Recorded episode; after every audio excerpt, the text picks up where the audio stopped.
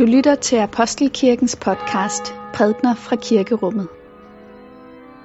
Find mere information på apostelkirken.dk.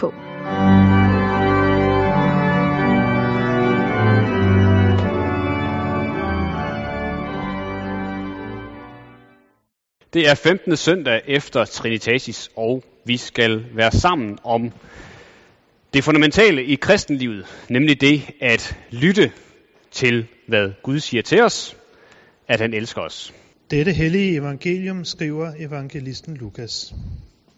Lad os takke for Guds ord. For Guds ord i skriften, for Guds ord i blandt os, for Guds ord inden i os, takker vi dig Gud. Mens de var på vandring, kom Jesus engang ind i en landsby, og en kvinde ved navn Martha tog imod ham. Hun havde en søster, som hed Maria. Hun satte sig ved Herrens fødder og lyttede til hans ord. Men Martha var travlt optaget af at sørge for ham. Hun kom hen og sagde, Herre, er du ligeglad med, at min søster lader mig være alene om at sørge for dig? Sig dog til hende, at hun skal hjælpe mig. Men Herren svarede hende, Martha, Martha, du gør dig bekymringer og er urolig for mange ting, men et er fornødent. Maria har valgt den gode del, og den skal ikke tages fra hende. Amen. Må min munds ord og min hjerters tanker være dig til behag, o oh Gud. Amen. Den korte tekst om Martha og Maria er en tekst, som kan frembringe en umiddelbar reaktion hos mange af os. Denne tekst kan nemlig fremkalde en følelse af uretfærdighed. Det er ikke fair, at Martha skal slide alene med det praktiske. Hvis de nu hjalp hinanden, ville de alle sammen kunne sætte sig sammen bagefter, når det praktiske var overstået.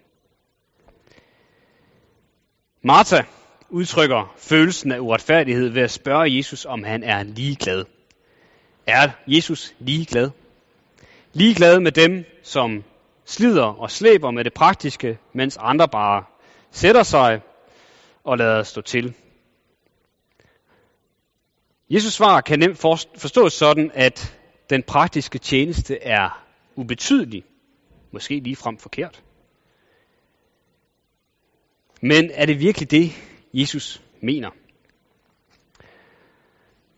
Jeg tænker, der er to umiddelbare faldgrupper, vi skal være opmærksom på, når vi læser den her tekst. For det første er det vigtigt, at det ikke handler om et enten eller. E, øh, enten eller. Et enten Maria eller Martha. Enten at lytte eller at tjene. I kirkens historie er netop denne tekst ofte blevet anvendt til at forsvare det kontemplative, stille liv som noget, der er særlig fromt og åndeligt. At målet det er at afskære sig fra verden totalt. Og modsat blev det aktive liv og engagementet i verden set som noget, der havde lille eller ingen værdi. Og Maria blev det ultimative forbillede. Men en sådan forståelse kan kun lade sig gøre, hvis teksten løsrives fra sin sammenhæng i Lukas evangeliet. For teksten lige inden den her tekst i Lukas evangeliet, det er lignelsen om den barmhjertige samaritaner. En historie, Jesus fortæller for at illustrere, hvad næstekærlighed er. Om en mand, der bliver overfaldet af røvere efterladt halvdød i vejkanten, og en samaritaner hjælper, øh, standser op og hjælper ham. En fortælling, der slutter med ordene, går du hen og gør lige så altså en aktivitet. Men i mange fortolkninger af historien om Martha og Maria er det ene nødvendige, Jesus taler om her, kommet til at trumfe hans gå du hen og gør lige så fra den barmhjertige samaritaner. Men hvis man så også læser den barmhjertige samaritaner lidt nøjere, så er det også værd at lægge mærke til, at der ganske ironisk i den lignelse er nogle mennesker, som bare går forbi staklen i grøften. Og hvorfor gør de det? De var præster og tjenere i templet. De havde for travlt med at komme hen at bede til at lade, lade sig distrahere af den her nødstede mand på deres vej. De havde så travlt med at søge Gud, at de overså deres næste, der var i nød på deres vej. I den forstand står lignelsen om den barmhjertige samaritaner og beretningen om Martha og Maria i en balance over for hinanden. Kristenlivet må gå på to ben. Vi må lytte, og vi må handle. Det ene må ikke udelukke det andet, men der er en vigtig prioritering, en slags rækkefølge, der er afgørende. En rækkefølge, der handler om at lytte, før vi handler. Det betyder altså, at vi ikke må polarisere Martha og Maria. Det drejer sig ikke om et enten eller. Enten et aktivt og tjenende liv, eller et stille og kontemplativt liv. Der må være et både og. Det var den første faldgruppe. Den anden faldgruppe handler om, at det her ikke er en særlig beretning om kvinder. Eller for kvinder. Den er om kvinder. Men der er uden tvivl en pointe i, at teksten her handler om kvinder. Nemlig det, at Jesus ganske overraskende også havde kvindelige disciple i et samfund, der var stærkt patriarkalsk. At vi finder her, at der er kvinder, der sad sammen med mænd og lyttede til Jesu udlægning af skriften. Det var uhørt i Jesu samtid. Men den situation, der udspiller sig her, er ikke noget særligt for kvinder. Sådan at kvinder på en eller anden måde skulle have, særligt, have en særlig svaghed til at blive opslugt af travlhed og blive irriteret på andre. Budskabet gælder os alle sammen. Irritationen og frustrationen over at arbejde hårdt, mens andre ikke hjælper, forekommer hos os alle sammen. Mænd såvel som kvinder. Måske kunne man gøre godt i at kalde personerne Martin og Marius som mandlige læsere af teksten, for det hjælper til at kunne identificere sig med personerne. Og hvem identificerer vi os så med i teksten? Altså den måde, som teksten er fortalt på, så er det Martha, der er hovedpersonen. Det er Marthas hjem. Det er Martha, der tager imod Jesus. Og Maria er kun nævnt i relation til Martha som hendes søster. Og Maria siger ikke noget i løbet af teksten. Så teksten handler altså primært om Martha. Martha har travlt. Hun har fået besøg af Jesus, og hun vil så gerne gøre det godt. Men hun får ikke rigtig samling på det. Hun styrter rundt. Der bliver ved med at være noget, der skal gøres, og hun når ikke dertil, hvor der er ro på.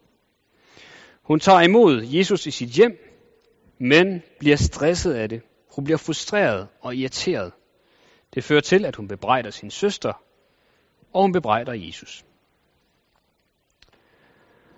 Og sådan er der måske mange af os, der oplever det, at engagementet og aktiviteterne virkelig trækker tænder ud. Og her gælder det ikke bare udførelsen af praktiske opgaver. Måske når vi også derud, hvor vi endda begynder at tvivle på, om Gud overhovedet bekymrer sig om os. Om Gud overhovedet lægger mærke til, at jeg slider mig træt for ham, og hvorfor gør de andre ikke noget?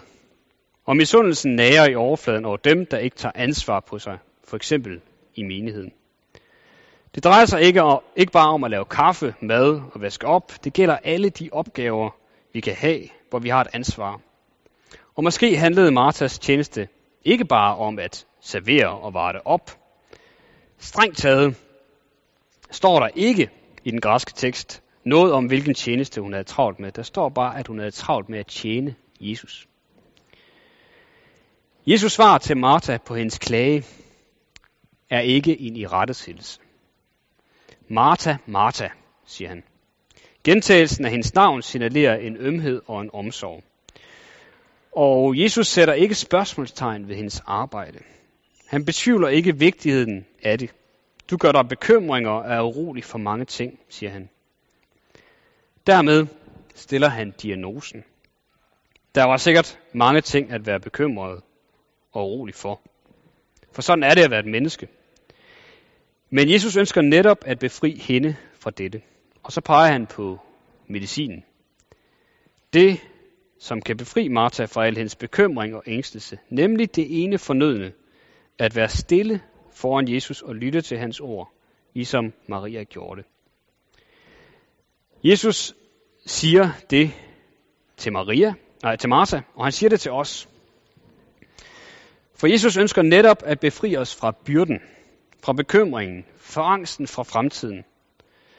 Fordi han har omsorg for os. Fordi Gud har omsorg for os. Det er hans budskab, når han igen og igen siger, frygt ikke, vær ikke bekymret, vær ikke ængstelig. Han vil give os hvile. Han vil være vores vært, og vi kan være gæster hos ham. Ja, endnu mere, han vil være vores far, og vi kan være hans børn. Og det er det fundamentale, at vi har en far i himlen, som elsker os.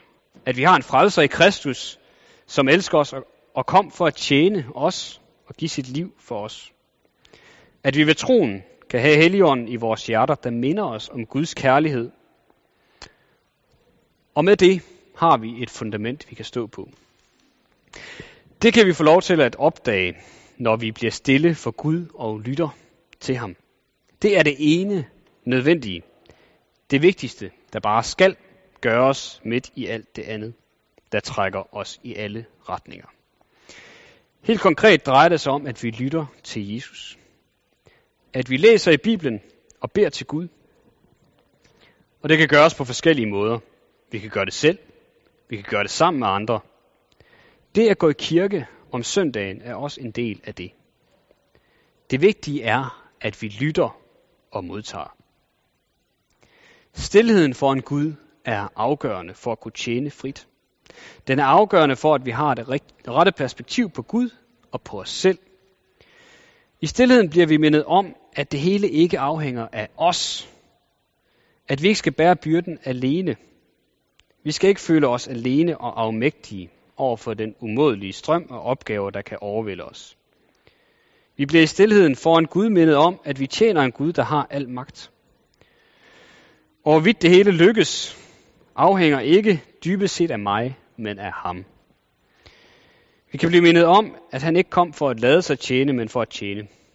At Jesus er en frelser, at han er ikke en arbejdsgiver. Vigtigheden er, at vi er stille, kan illustreres med et billede af et træ og træets forhold til jorden. Hvad jorden er for træet, er stillheden for det indre liv. Jo større krone, jo vigtigere er det, at træet har et rigt forgrenet rodnet. Jo mere frugt det bærer, jo vigtigere er næringen fra dybet. Fundamentet, næringen, som vi får i stillheden, er afgørende for vores overlevelse, for at vi ikke skal visne og blive væltet om kul af alt det, der trækker i os. Der må være en sammenhæng mellem vores indre liv og vores yderliv, for der er en organisk sammenhæng, der betyder, at vi er afhængige af at sende kraft hos Gud, for at vi kan opfylde vores ansvar og forpligtelser. Derfor er det så afgørende, at vi finder tid til stillheden med Gud i vores liv, selvom travlheden med alt det, der skal gøres, så nemt opsluger os fra morgen til aften. Så vi ikke synes, vi har tid til det. Men det er vel i virkeligheden sådan, at vi næsten altid finder tid til det, vi virkelig vil.